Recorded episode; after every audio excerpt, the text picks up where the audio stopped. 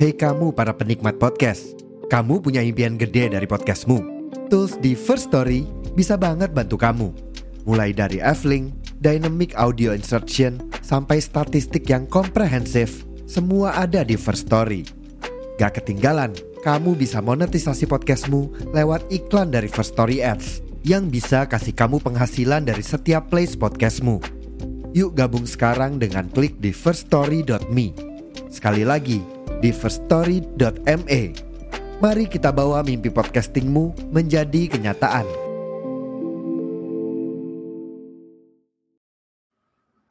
Check sound, sound, one, two, three, and check sound, sound again, one, two, three. Kembali lagi di podcast Angkringan Malam season 2. Kabum.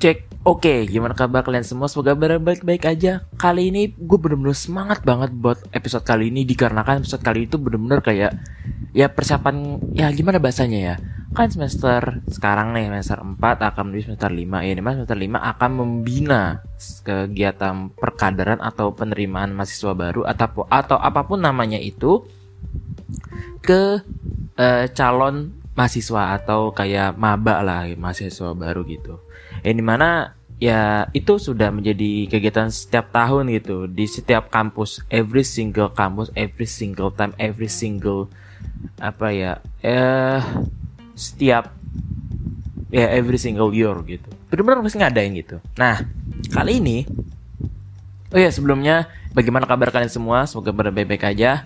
Bagi yang lagi menikmati masa senja santuin aja. Yang lagi ah bahasanya apa ya lagi menikmati suasana di pagi hari, siang hari atau sore hari atau malam hari, nikmatin aja dulu siapa tahu ya menjadi last day-nya lo.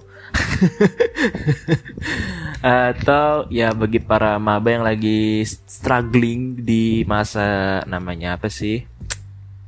Eh uh, masa apa ya? Oh iya, iya benar, benar sih namanya emang masa struggling, cuman masanya itu ada namanya lo masanya lo oh iya masa keambiguan lu. Karena lu pengen masuk ini tapi lu kemampuannya ini. Tapi lu juga pengen ini tapi orang tua lu budgetnya segini. Oh udah. Itu udah kayak ya banyak banget lah gitu loh. Banyak banget yang sering terjadi. Tapi kali ini gue pengen angkat tentang maba. Kenapa gue pengen angkat tentang maba? Karena gue pengen apa ya memberikan pengalaman gue gitu. Atau kayak uh, apa sih yang gue dapetin selama gue menjadi maba? gitu. Karena banyak yang bilang kayak bang lu maba gimana bang? Coba bang ceritain tentang masa perkuliahan lu apalagi tentang penerimaan mahasiswa baru gitu. Jujur gue angkatan 2021 Nah, saya kan gue itu 2020 cuman karena ya kelok-kelok lah tapi ya sudah. Tapi it's okay lah buat gue lah gue sangat menikmati banget itu tahun 2021 atau apa itu. Dan jujur gue dua kali UTBK tahun 2020 sama tahun 2021 jadi gue belum merasakan apa itu nama UTBK yang benar-benar kampret. Kampret banget. Yang benar-benar gue belajar sampai mam sampai ya bukan mampu sih tapi ya apa namanya ya? Kayak semacam lo sakit gitu lo tipes. Nah itu dia. Tipes sama satu lagi kesibukan. Nah jadi gue tuh benar-benar dua kali UTBK tuh benar-benar nasibnya tuh sial bahkan sampai kayak orang tua bilang udah fake apa ibadah ini. Iya gue lakuin cuman kalau misalkan Allah memberikan kayak ya udah kamu kejadian kayak gini ya udah gue terima gitu. Gue nggak bisa maksain bahwa gue sebenarnya berubah emang sih manusia itu emang bisa mengubah takdir sendiri gitu. Ya kan? Bisa tapi kalau misalkan Allah berhendak ya udah kamu begini ya udah. Mau gimana lagi? Ayo ya kan bok? Ya gitu aja udah. Tapi di semua gue jalan secara nikmat apalagi gue juga ya mengikuti UMPTKIN UMPTKIN itu kayak ujian hmm, apa sih ujian masuk tertulis perguruan keagamaan Indonesia PTKIN negeri ya itu ya UMPTKIN gitu. Yang di mana ya jujur gue merasakan itu agak sedikit kayak klise gitu menurut gue. Karena yang harusnya gue bisa di tahun 2020 cuman di tahun 2020 nih gue benar-benar lemah di bahasa Arab gitu loh. Yang di mana ngebuat gue yang harusnya kayak ih gue tembus nih. Ngalah enggak sama sekali. Itu menjadi gue klise plus marah. Tapi ya sudahlah. Dan di tahun berikutnya gue coba lagi tahun 2021 gue coba TBK lagi eh kejadiannya. Gue lagi kesibukan lagi sibuk ngurusin menjadi atlet. Abis itu gue ngurusin apa gue kan pas lagi tahun 2020 kan ngebuat kayak suatu uh, komunitas gitu kan bareng teman-teman gue yang online gitu. Ya apa sih online cuman agak agak erat gitu. Dibuat jepret gede. Wow tanggung jawabnya berat sampai sampai kelar. Ngajar ngajar ngajar ngajar ngajar. Gue ngerasain belum namanya ngajar gak, gak dibayar gitu. Gue ngerasain banget itu. Dan susah mengajar itu susah kayak kayak harus ngomong ah, ujung-ujungnya kayak ya kampret tai tolol idiot. Ya gitu. Karena sulit, sulit banget gitu loh. Tapi misalkan lo ngajarin yang sangkatan lu bebehnya kayak pengen nonjok rasanya. Karena pak lu kan ngerti gitu kuliah apa di sekolah kenapa di di sini lu melapor para bego gitu kayak ngapa sih? Itu loh. Emang sih baik kalau misalnya mau tawadu cuman jangan apa ya ya tawadunya ada ada ada cara tersendiri kali gitu loh. Jangan terlalu overuse bukan overuse kayak terlalu geblek. Tapi sudahlah. Tapi sekali lagi gue kan tadi kan, apa ya agak sedikit menyinggung tentang maba. Jadi kayak dikarenakan fase maba ini ya merupakan fase yang kalian akan merasakan gitu. Yang awalnya kalian dari SMA berpindah menjadi anak perkuliahan ditambah lagi ya kegiatannya semacam ospek gitu. Ya kalian tahu lah ospek tuh gimana gitu. Kayak mas ospek tuh banyak di banyak banget di nama-nama ya. Kalau nggak ospek kalau nggak apa apa PBAK atau nggak um, apa mos atau apa apa itu namanya itu ya intinya ber, beraneka ragam gitu. Dan itu juga sekali lagi ya itu agenda tahunan gitu di, di setiap kampus di Indonesia. Dan juga ini sebagai bentuk gue memenuhi request dari para pendengar gue yang waktu itu gue buat polling di Instagram dan akhirnya banyak banget gitu yang minta kayak bang bang bang bang. Waktu itu, waktu itu ya nanya emang satu orang cuman di di di apa ya di replaynya itu kayak berderet tuh bang bang bang bang. Iya iya diam bang chat diam iya iya santuy santuy. Uh, oke. Okay. so gitu gitu aja. Lanjutnya kepada sesi 2 here we go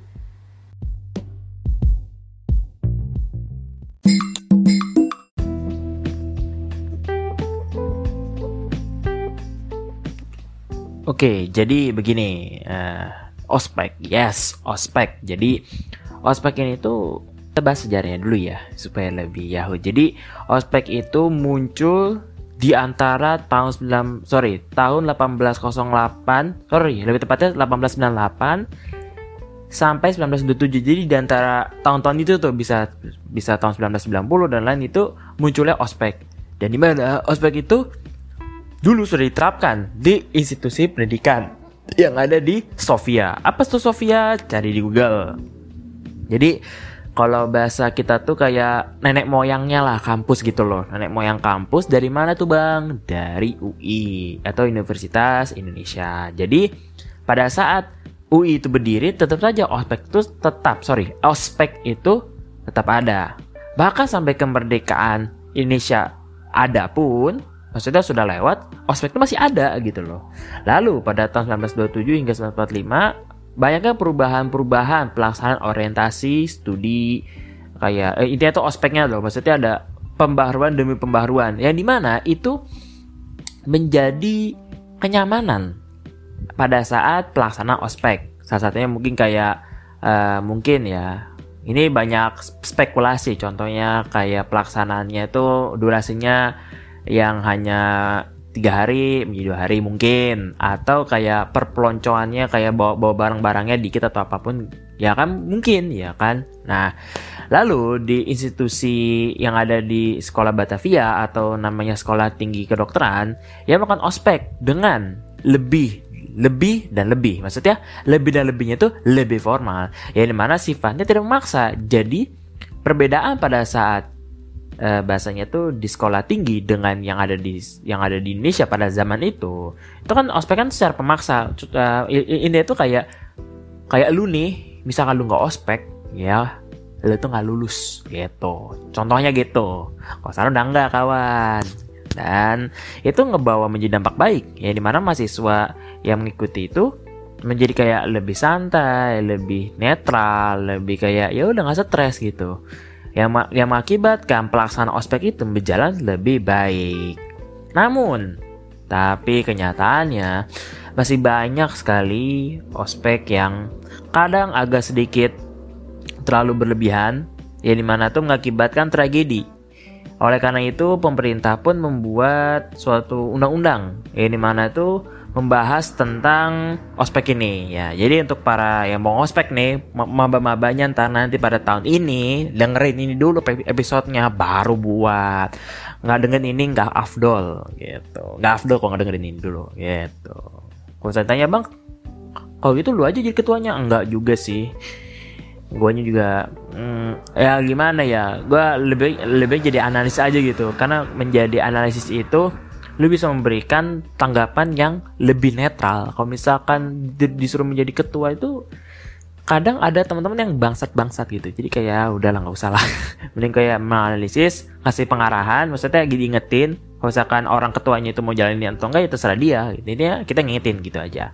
Lanjut, pemerintah pun ngebuat suatu undang-undang yang ada di UU nomor 18 tahun 2016 yang dibuat oleh Kementerian Pendidikan dan Kebudayaan yang itu menjelaskan atau menyebutkan bahwa orientasi itu eh apa bahasanya tidak digunakan lagi maksudnya ospek yang zaman perpeloncoan zaman jahiliyah itu itu tidak digunakan lagi jadi gunakan ospek yang sesuai dengan kriteria yang sudah dibuat oleh pemerintah. Nah kalau misalnya tanya bang, kayak gimana bang bentuknya? Coba tanya ke Kementerian Pendidikannya aja. Karena gue nyari puyeng gitu. Kalian bisa nyari di referensi Undang 18 atau mungkin bisa langsung cari di apa tentang si kementeriannya sendiri dan lain itu. Itu benar-benar kayak sedikit klise tapi ya ya sudah gitu. Karena intinya pemerintah sudah memberikan yang terbaik buat masyarakat.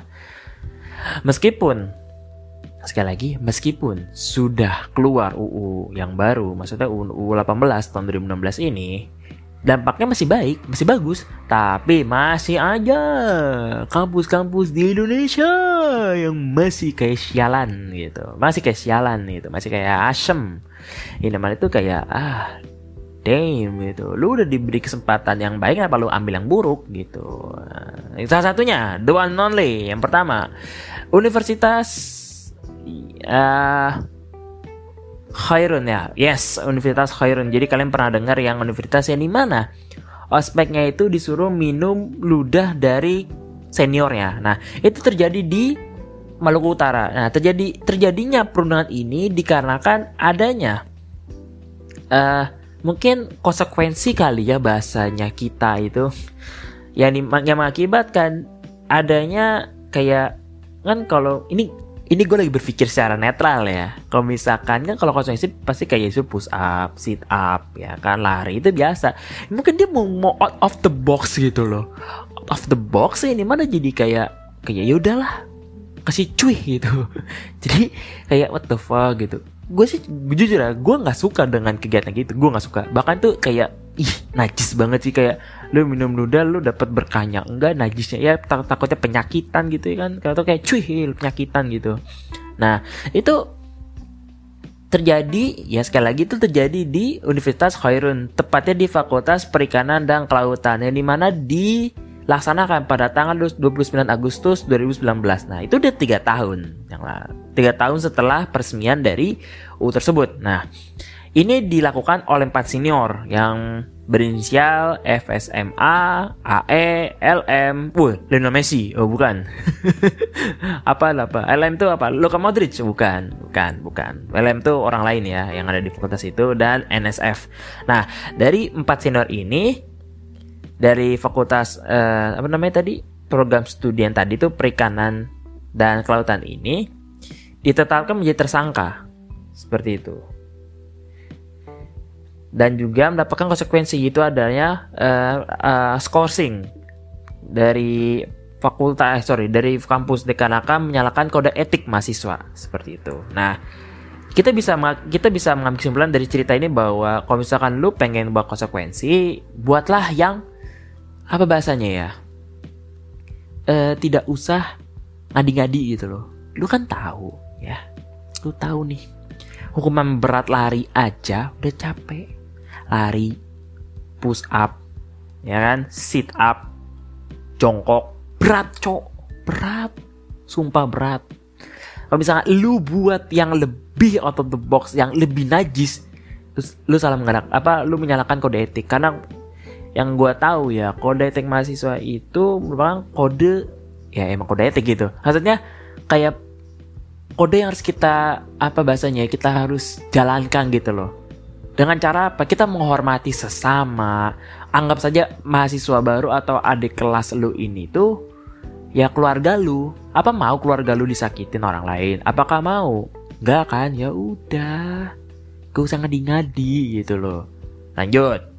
Yang kedua peristiwa yang kedua adalah tewasnya mahasiswa Unhas. Nah ini terjadi ya ini terjadi pada saat si A ini tuh mengikuti diksar jadi si A ini tuh ngikutin diksar dari fakultas mungkin itu kewajiban gitu. Dan pada saat si A ini ini tuh menurut uh, keluarga ya. Jadi si A ini tuh paginya itu dia keadaan seger gitu. Seger sehat bugar. Tapi pada saat balik dia langsung kayak ya udah kayak sempoyongan dan langsung tergeletak di kamar gitu. Dan ngebuat keluarganya pun jadi stairs gitu loh dan si A, si A ini dibawa oleh keluarga ke RS tapi sayangnya tidak tertolong yes tidak tertolong dan uh, keluarga pun menduga ya adanya kekerasan.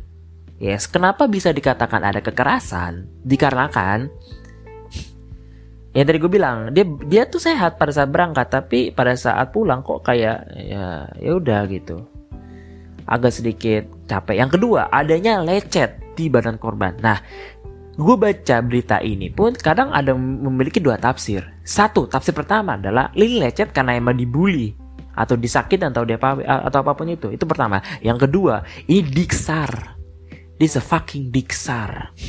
Kita nggak tahu di luar sana tuh gimana diksarnya. Ada yang kadang dari pesertanya ceroboh tiba-tiba jatuh sendiri mungkin apa mungkin karena faktor bukan oleng atau kecapean bukan. Cuman kayak tidak ngikutin arahan dari atasannya atau seniornya jadinya ya dia terkena musibah sendiri yang kedua gitu. Jadi bisa mengakibatkan dua tafsir gitu.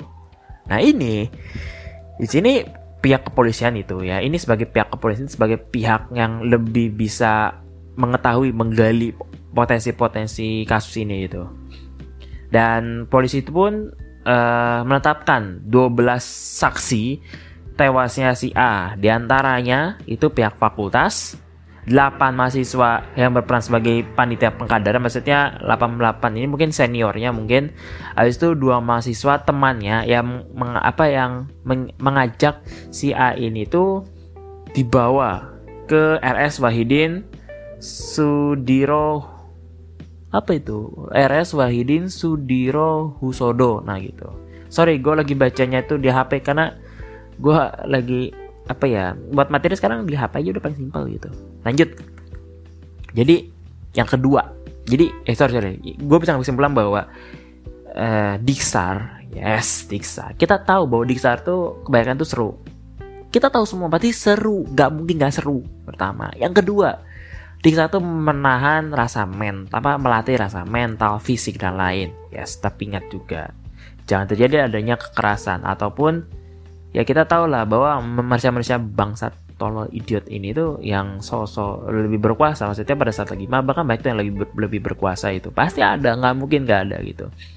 Itu ya kadang agak meresahkan umat umat mahasiswa gitu loh. Contohnya kalau ini agak agak melenceng bentar ya dari pembahasan. Tapi contoh gini deh kalau si A apa sih kalau si A sih contohnya deh si mahasiswa yang bangke ini tuh lagi apa lagi jajan pasti dia ngambilin ngambilin ngambilin ngambilin nih. Ya meskipun gak masalah tapi kalau misalkan agak nggak buat risih teman-temannya ya kayak ih najis lu kayak ngapain sih? gitu loh. What the fuck? gitu loh. Who the hell are you? gitu loh. Yang pertama. Yang kedua kalau misalkan dia lagi nanya tuh apa sorry kalau lagi uh, fasenya presentasi teman-teman lagi presentasi eh lebih tepatnya temannya teman-temannya lagi presentasi dia nanya banyak bredet asu. Dan itu kalau misalkan pertanyaannya berbobot sih it's okay itu nggak apa-apa santai aja. Tapi kalau misalkan pertanyaannya agak berbobot cuman berbobotnya itu malah memengskak omongan temennya apa mengskak si temennya mending pulang aja lu ke ke jonggol sana gitu. Mending pulang aja lu gitu. Karena apa? Useless mbak lu nanya sesuai, sesuai porsinya. Jangan nanya ngebuat temen lu sekarang apakah ngebuat lu bangga gitu. Bangga iya buat lu doang. Biar lu keren biar lu dapat nilai A plus. Kayak gue sih udah kayak bodo amat. Tapi kalau misalkan ini orang kayak gini tetap di, dilestarikan wah perang dunia di tingkat mahasiswa. Oke, okay, itu hanya apa ya? Ya hanya ya sih namanya? Uh, evaluasi ya saja gitu. Lanjut. Lanjutnya adalah ospek Untirta yang menyemur maba yang membuat pihak B meminta maaf dan viral di Twitter. Yes, kita tahu sendiri bahwa yang ini tuh jujur uh, gue bacanya agak sedikit kayak gimana ya? Dibilang menyepelekan dari pihak panitia sih ya enggak gitu. Tapi ini kan ya ospek gitu. Kalau misalkan ospeknya di ruangan mah nggak apa-apa gitu. So santai aja. Misalkan di luar kan itu hal yang umum gitu loh. Dan itu terjadi pada tanggal 17 Agustus 2002 correct me if I'm wrong ya karena gue baca di berita-berita gitu. Ini dilaksanakan. Lagi ini ini itu dilaksanakan pada tanggal 15 sampai 17 Agustus 2022. Nah, ini dampak dari dijemurnya maba itu di, mengakibatkan adanya yang tumbang dari mahasiswa baru atau maba. Dan ini juga uh, bahasanya tuh kayak apa bahasanya ya? Yang ngebuat para panitia itu kayak tertampar abis gitu loh dengan kejadian ini. Dan mengakibatkan si BEM dari uh, apa kampus Untirta itu langsung turun tangan dan memberikan statement yang mengakibatkan ini menjadi pelajaran berharga bagi kami. Dan kami terus belajar supaya ya, Untirta muda ini tuh bisa menjadi perkarakter yang unggul dan berdaya saing serta bisa menjadi apa ya bahan bahan acu, acuan kita pada saat pelaksanaan ospek di masa yang akan nanti gitu. Ucap eh, Pak BEM sekaligus panitia dari penyelenggara ospek tersebut. Dan ini tuh ngebuat eh gue lihat di Twitter itu banyak yang agak ya apa ya kayak nggak suka gitu kayak mungkin kayak apa ya netizen netizen ya para para sosialita atau para apa sih namanya itu pasukan-pasukan sosmed ya yang yang apa tuh style style itu boba senja ya kan? Atau enggak kerudung ikat di leh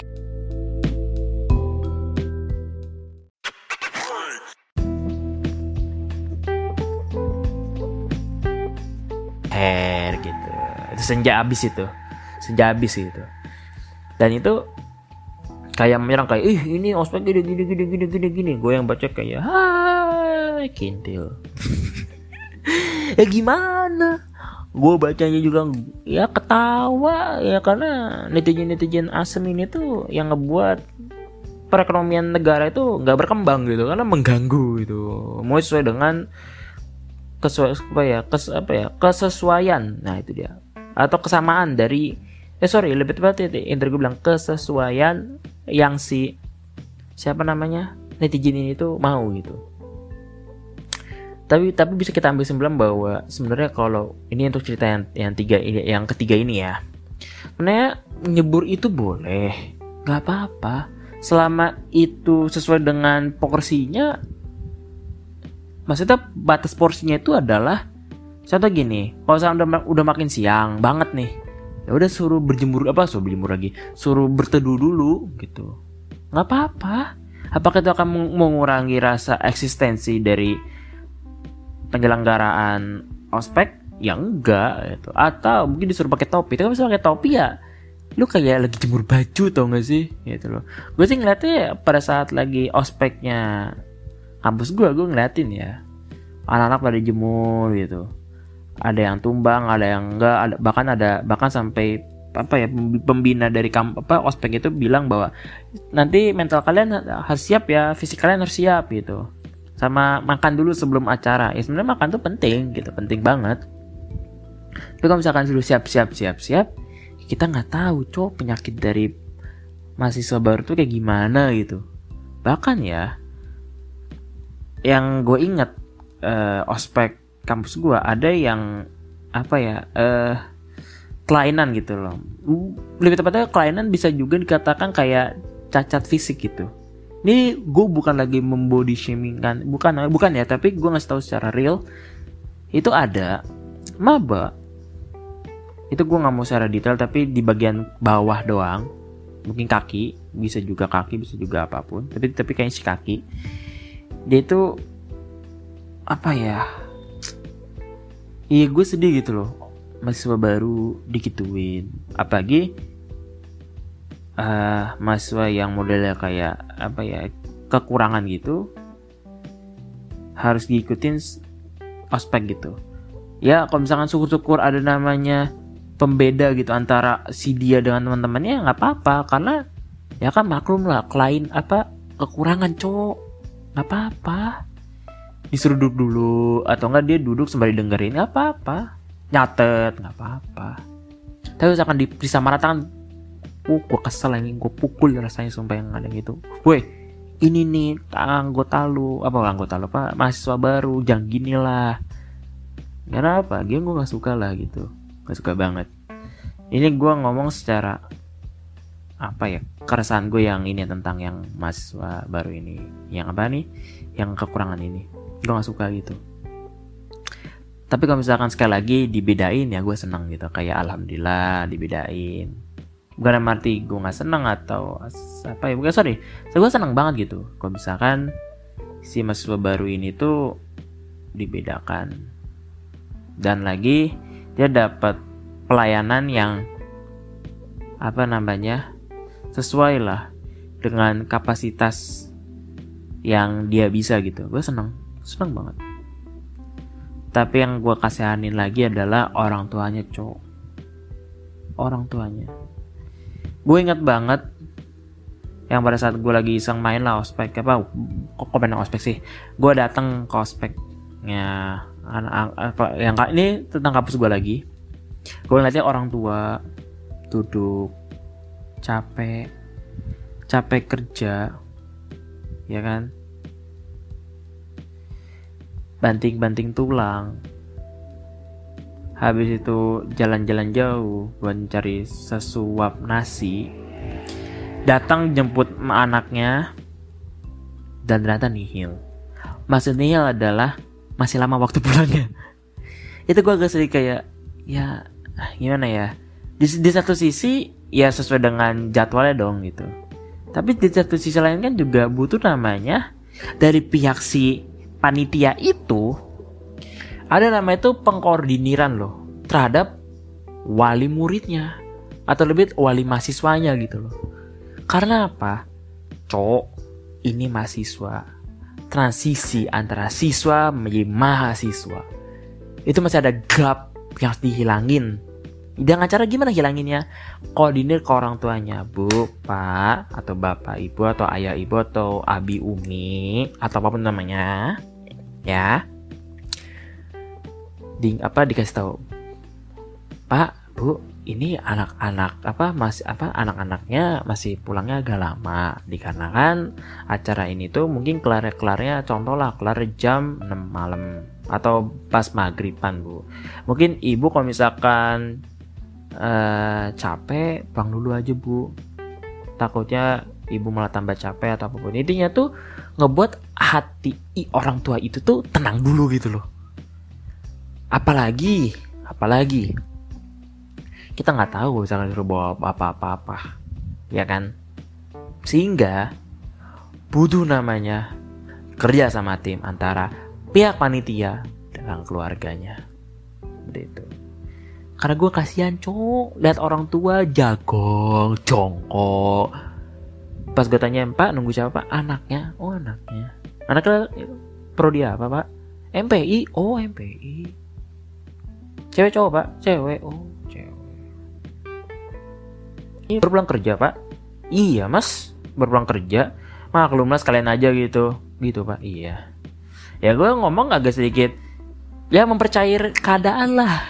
Bahkan gue bilang gitu ke orang tuanya pak ini untuk acara seperti ini biasanya rada lama pak. Mungkin agak pas ada maghrib baru pulang atau pas lagi maghriban baru baru bubaran gitu pak.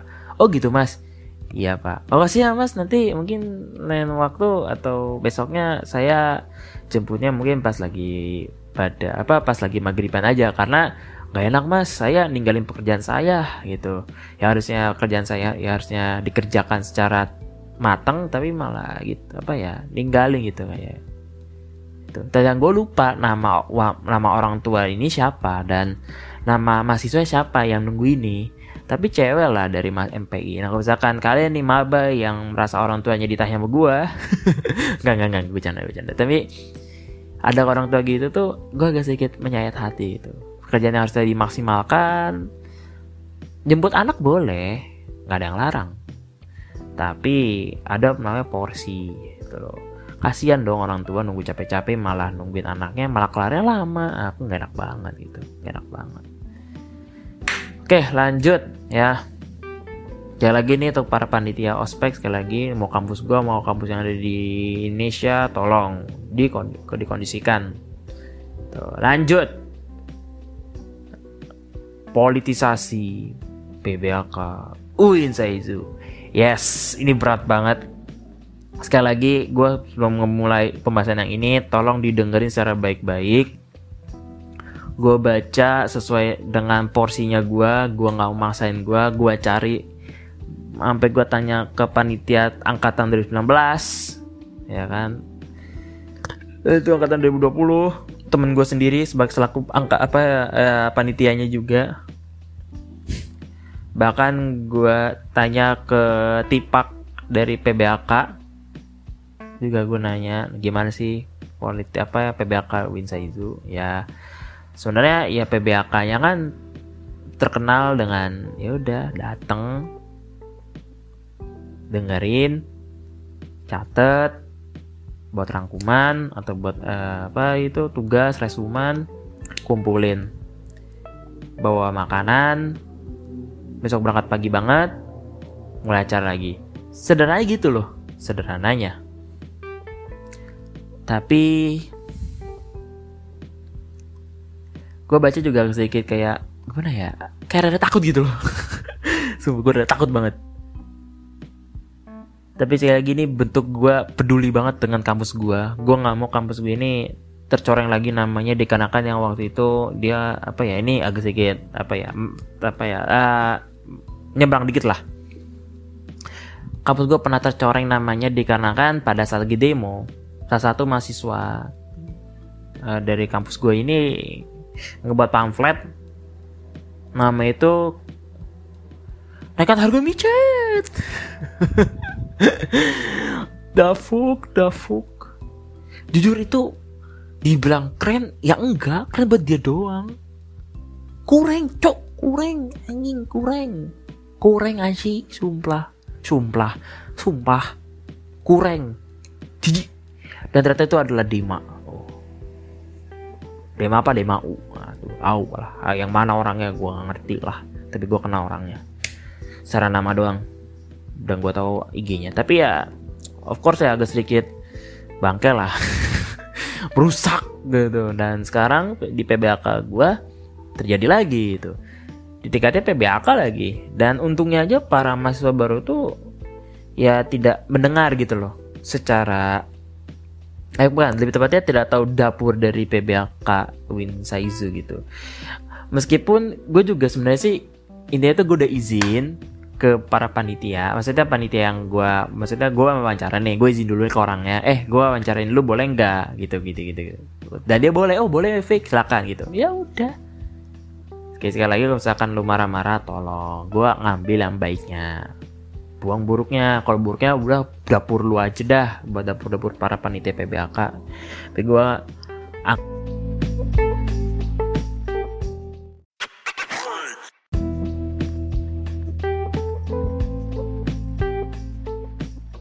cek cek oke. Okay. Ya ini, ini sih udah masuk dalam sesi penutup ya. Jadi sebenarnya sih gue hanya memberikan tips and tricks baru memberikan kesimpulan untuk episode kali ini tips and trick gue untuk para maba. Untuk nanti pada saat kalian sudah mau ospek atau masa kayak kalian masih struggling pada saat pemilihan kampus atau apa pun itu ini ada satu. Nggak spesifik ada satu dua tiga empat lima poin. Cuman yang paling penting tuh di poin satu ini. Poin satu adalah siapin mental dulu. Karena apa? Kalau mental lu belum nyampe mental lu belum kuat mental lu masih belum mampu bahaya.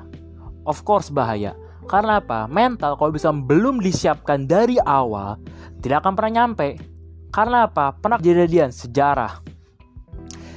Ini sebenarnya sih uh, kita tahu uh, apa uh, bahasa bahasa mutiara atau bahasa bahasa sajak dari orang Jepang mengatakan bahwa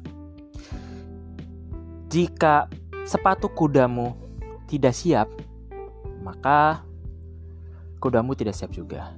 Jika kudamu belum siap juga, maka surat yang harus diantarkan kepada kaisar itu juga itu juga tidak tidak akan pernah sampai. Dan jika surat saja tidak sampai, maka terjadilah kekalahan. Bahkan bahkan mungkin kematian korban paling banyak. Ini ini bisa menjadi dua tafsir. Satu, mempersiapkan gitu mempersiapkan mempersiapkan tuh bisa banyak arti cuman karena gue bahas tentang mental disiapin dulu mental lu apalagi lu mau jadi mahasiswa karena gini Oke okay lah, memang lu menjadi mahasiswa. Eh, boleh lu main-main, boleh. Gak ada yang ngelarang. Sampai lu mau jungkir balik atau apa pun itu, silahkan. Tapi ingat, apa hanya gitu doang? Kan enggak.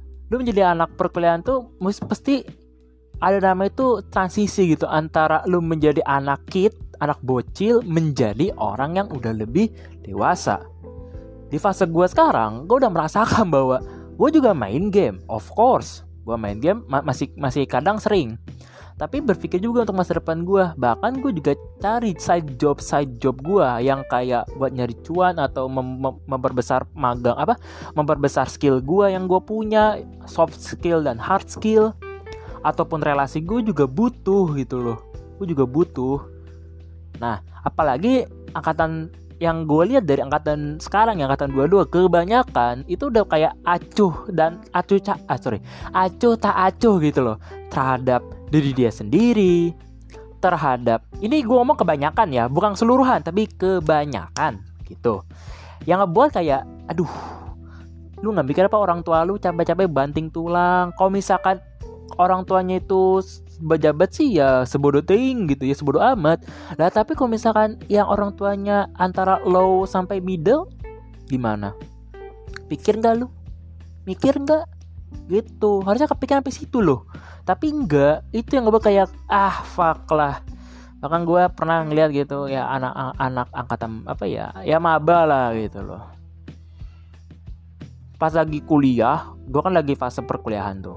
Samping gue anak maba teriak-teriaknya kenceng banget kok anjing dalam hatiku anjing orang mengganggu. Ya meskipun bercanda boleh gue nggak ngelarang. Cuma misalkan terlalu over bakal sampai bisa mengganggu wah pengen gue gedor-gedor diem nggak lo orang ya pada belajar nih. Berisik banget gitu. Itu itu gue agak kesel gitu loh. Rasa kesel banget sumpah. Bahkan seperti ini gitu loh dari ini gue juga masih belum bisa eh uh, gitu loh. Tapi ya sudahlah juga masih maba ya biar kan tapi sekali lagi siapin mental lu. Karena misalnya mental lu belum kuat atau mental lu belum siap untuk menjadi anak mahasiswa jangan dulu kuliah. Mending gap year. Karena apa?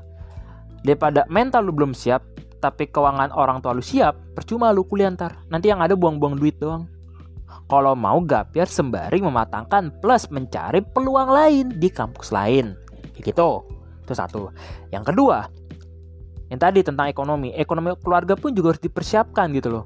Karena kita nggak tahu nanti pada saat ospek itu suruh bawa apa aja kita nggak ada yang tahu gitu loh. Jadi harus jadi harus benar-benar dipersiapkan gitu loh. Mau mental, mau keuangan, begitu. Yang ketiga, relasi.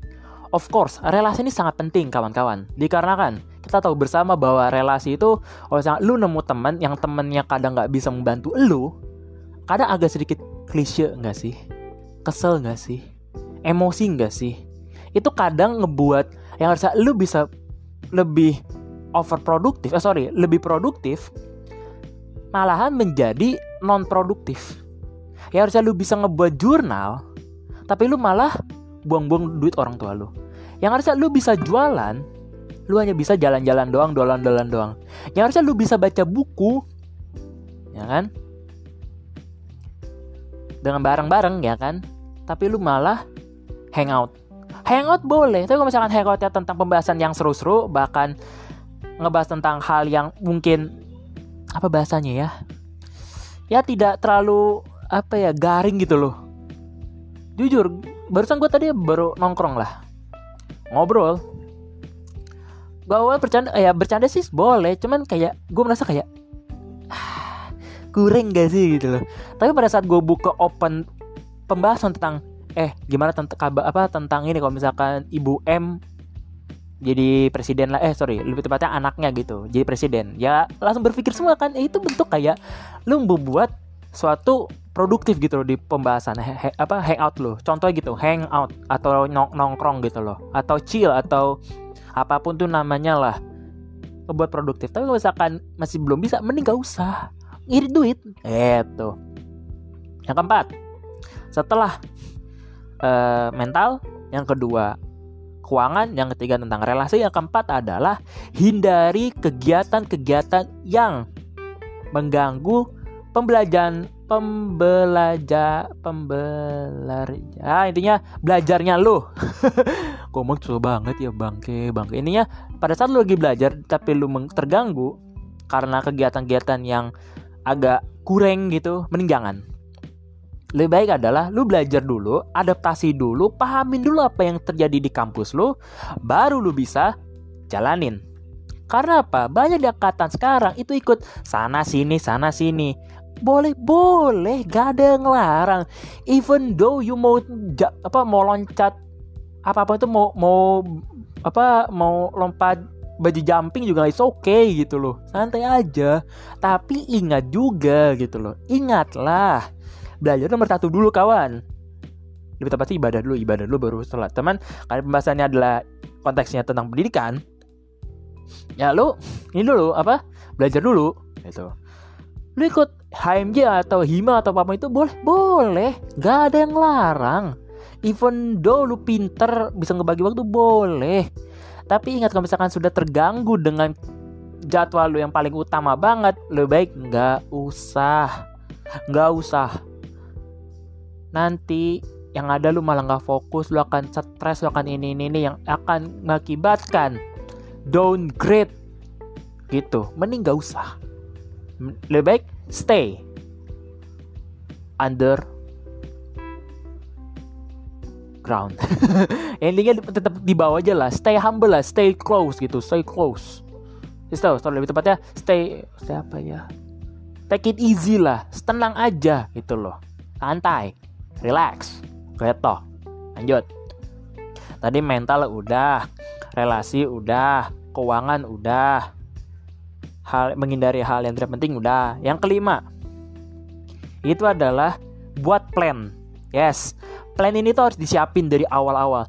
Kalau misalnya tanya bang menurut lu yang terbaik rencana itu kayak gimana? Oh, dan dan siapa yang menjadi role modelnya? Sebenarnya yang menjadi role model itu dari lu sendiri sih. Maksudnya lu yang punya lu yang punya kemauan dan juga itu kan selera kan berbeda-beda. Contohnya gue gue selera gue untuk gue sekarang gue banyak banyak banget. Tapi tetap saja panutan utama adalah Nabi Muhammad SAW pastinya yang kedua pasti para sahabat dan lain-lain gitu. Intinya yang 345 baru yang lain gitu. Tapi kalau misalkan lu nanya kayak gitu mending ya itu tentang selera. Tapi kalau untuk yang tentang rencana membuat plan. Nah plan yang paling gampang tuh buatlah plan plan atau rencana-rencana yang bukan bukan pesawat ya bukan plan pesawat. Bukan lo awas lo rencana itu yang apa ya simple-simple tapi ngelatih daya motorik dan sensorik lo itu contohnya apa belajar atau lo buat project atau lo buat karya atau apa apa itu silakan gitu dan nanti kalau misalkan sudah biar sudah terbiasa dengan itu, baru buat yang gede atau lu bisa apa gitu, contoh kayak magang atau apa itu silakan gitu. Tapi buatlah rencana di awal. Karena apa? Kebanyakan di angkatan sekarang mau angkatan 2020, 2019, 2021, 2022, kebanyakan tidak buat plan. Kalau gue plannya sudah ada, sudah jelas. Gue bagi plan sedikit aja, gue bocorin dikit gue. Gue semester 1, gue belajar dulu. Sampai, sampai semester 2. Sampai gue coba belajar dulu, mengadaptasi dengan apa sih yang ada terjadi di kampus gue. Yang kedua, gue masuk LK. Dan yes, gue masuk jadi DEMA alhamdulillah sudah kelar masa bakti gue di semester 3 eh, semester 3 akhir lah baru kelar masa bakti gue habis itu selesai dah sembari gue juga udah aktif di ekstra dan gue seneng masuk ke dalam kepengurusan. Dan itu mengasah daya sensorik dan motorik gue dan mengasah leadership mengasah apa kerja sama tim dan lain gue terasa banget gitu terasah banget. Belajar ngomong maksudnya ngomong secara chat atau ngomong di depan umum atau namanya public speaking gue terasa banget. Terasa karena lu mau belajar gitu loh sembari gue buat podcast juga itu juga udah selingan gue dari sebelum kuliah malahan. Habis itu gue punya apa rencana pengen buat namanya jasa dan alhamdulillah itu sudah terjadi. Gitu. Dan sekarang tinggal untuk di semester 4 tuh rencana gue tuh gue mau memperbesar. Maksudnya memperbesar tuh dari segi jasa gue mau gue gedein dari podcast gue gue mau gedein juga nilai gue juga mau gue gedein juga Habis itu untuk kayak tentang LK gue skip dulu lah. Palingan gue mencoba di magang atau ya sejenis internship atau apa pun lah Gitu loh. Yang di mana itu mengasah plus bonusnya mungkin cuan gitu loh. Tapi gue bonusnya kayak gitu aja dulu itu itu bocoran gue untuk semester 5 dan 6 gue masih belum ada lagi. Karena plan itu harus dipelajarin dulu dari awal. Maksudnya teori dasarnya dulu. Maksudnya teori dasar tuh kayak lu belajar dari pengalaman orang lain dulu. Nah permasalahannya untuk semester 5 gue belum nemu orang yang benar-benar tepat buat gue menjadikan uh, sebagai tempat belajar gue loh. Gue belum ada sama sekali. Jadi even though punya orang tua tapi kan perbedaan uh, zaman yang ngebuat gue juga berpikir dua kali. Lebih gue nanya yang sesuai dengan zaman gue sekarang gitu. Meskipun orang tua juga penting penting banget. Tapi untuk orang tua ini ya lebih baiknya masuk ke ranahnya itu ke ke ke daerah kehidupan. Ya yes, kehidupan itu paling penting. Untuk yang sekarang gue belum. Bangun 5, 6, 7 atau 8 gue belum itu pengalaman. Dah selanjutnya kesimpulan. Kesimpulan untuk gue kali ini untuk para yang mau jadi ketua panitia atau atau apa pun itu sekali lagi matengin dulu konsepnya. Karena apa? Kalau konsepnya belum matang lu nggak bisa buat jeder jadi acara gue nggak bisa. Even though lu bisa buat secepat kilat silakan. Tapi kalau misalkan matang belum matang itu bahaya. Karena apa? Kalau misalkan konsep belum matang nanti yang pusing siapa? Panitianya juga.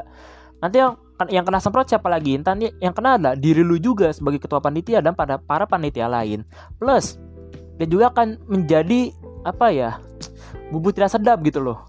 Untuk para para yang mau di ospek gitu loh. Nggak enak gitu. Dan lagi yang kedua usahakan ada ada namanya omongan ataupun kerjasama ah, mau itu mau dari pihak vendor mau pihak eh, apa namanya yang punya brand, brand merek kenapa kejadian di kampus gua itu kejadian yang waktu itu singkat gue ya correct correct me if I wrong atau cimio gitu waktu itu kejadiannya waktu our, uh, maba disuruh membeli fitbar yang mana fitbar itu harganya cukup lumayan mahal Padahal itu sudah mengorek-ngorek isi kantong dompet dari para mahasiswa baru.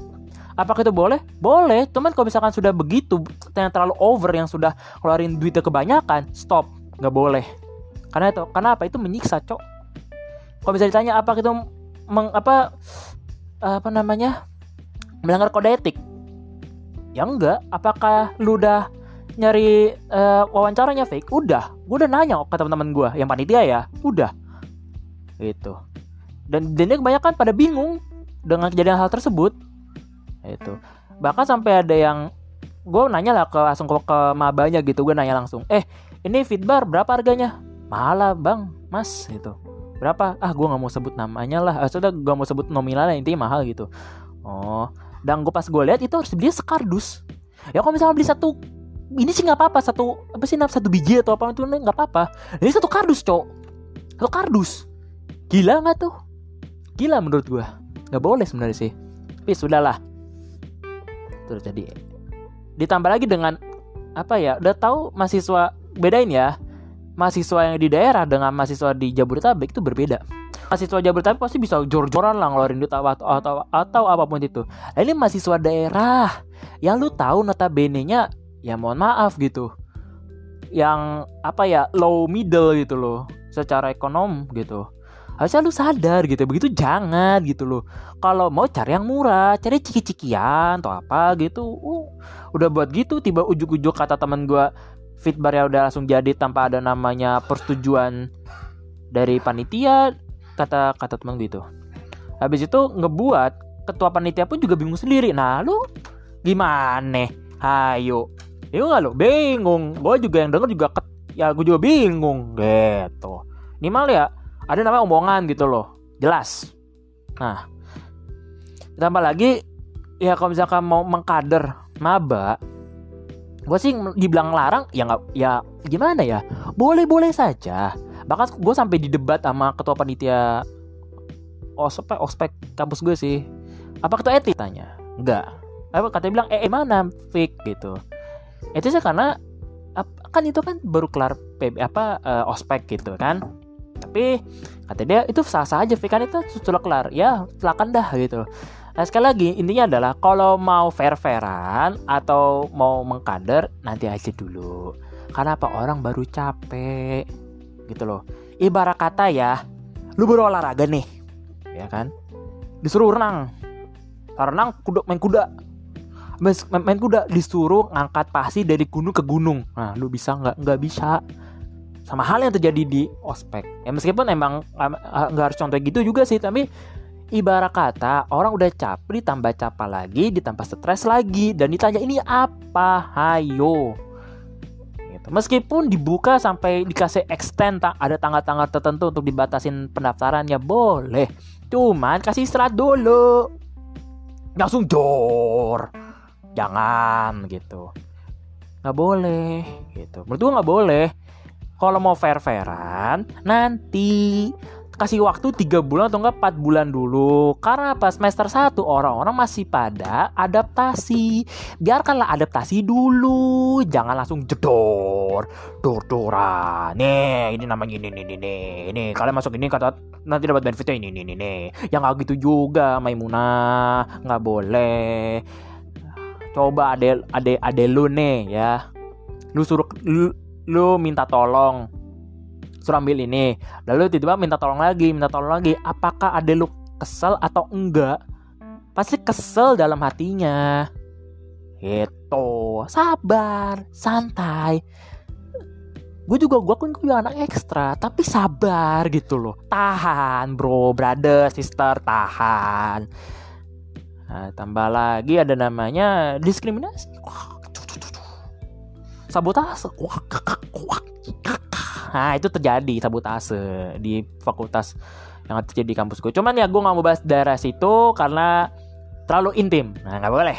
Nggak boleh. Kalau mau kita kalau misalnya mau dibuat sesinya silakan. Tapi sekali lagi gue ini, ini tuh sebagai bukti gue kangen. Oh sorry bukan kangen apa gue sebagai sayang gitu. Sayang dengan kampus gue gue nggak mau terjadi lagi namanya apa ya tercoreng kembali kampus gue karena yang terakhir yang tentang anak mahasiswa UIN Saizu yang ketahuan bawa pamflet kotor pada saat demo aja gue udah risih. Nah sekarang tingkatnya mau apa ya ospek. Kalau misalkan ospek ini tercium terendus sampai media sosial oh shit man man. Sampai terblow up gede banget. Oh jangan gue nggak mau. Lebih baik apa? Gue sebagai bentuk kayak tolong please buatlah meski ini tuh tidak hanya untuk kampus gue doang ya tapi untuk seluruh Indonesia kalau misalkan yang lagi denger ini semoga aja ya Allah. Tapi gue ini tuh sebagai bentuk gue tuh sayang dengan pendidikan yang ada di Indonesia loh. Kalau misalkan tetap saja terjadi ya lo gak kayak apa yang namanya ya lu nggak malu apa gitu loh. Gue sih malu sih kalau misalnya itu dibilang kurang ya kurang gitu loh. Buatlah konsep atau kerjasama atau paman itu yang setidaknya lu udah punya referensinya lo. Kalau misalnya lu belum punya referensi, cari dulu, matangin dulu, bahas dulu. Habis itu dimatangin sampai benar-benar kayak oh udah siap nih, baru buat acara gitu. Apalagi acaranya tiga hari juga. Aduh, capek beradi, beradi, udah capek gitu oke dan sekali lagi gue benar-benar minta maaf kalau misalkan gue benar-benar kayak apa ya lagi benar-benar kayak terdengar emosi atau apa pun itu enggak itu tuh sebagai bentuk gue benar-benar sayang dan cinta terhadap pendidikan yang ada di Indonesia. Gue harap sekali lagi adalah tidak usah terjadi kayak gini lagi. Untuk kampus gue tolonglah jangan kayak gitu lagi ya. Capek atau enggak kita yang apa mahasiswanya tuh merasa kayak apa ya terkadal-kadalin gak sih bahasanya gitu loh. Ngerti gak sih terkadal-kadalin? Kayak dibohong-bohongin lah. Janganlah gitu jangan. Lebih baik ya apa ya transparansi aja gitu loh Erik ya bisa kan? Bisa lah udah udah udah apa ya ya udah bahasanya itu udah dewasa ya jelas lah gitu. Oke mungkin segitu aja pembahasan kali ini. Saya gue minta maaf dan uh, jangan lupa di subscribe ada di Spotify Google Podcast, Noise, dan lagi gue udah keluar di Pogo VM. Kalian boleh mensubscribe di situ juga, karena insya Allah di empat platform itu gue akan jor-joran untuk nge apa nge-share episode podcast gue, karena gue mau podcast gue ini ya bisa bersaing lah di dunia kancah perpodcastan di Indonesia. Oke, segitu aja. Kurang lebih mohon maaf. Sampai gue pamit atas nama Akhirnya Malam Season 2. Kapum. Dadah. Sampai jumpa lagi kawan-kawan.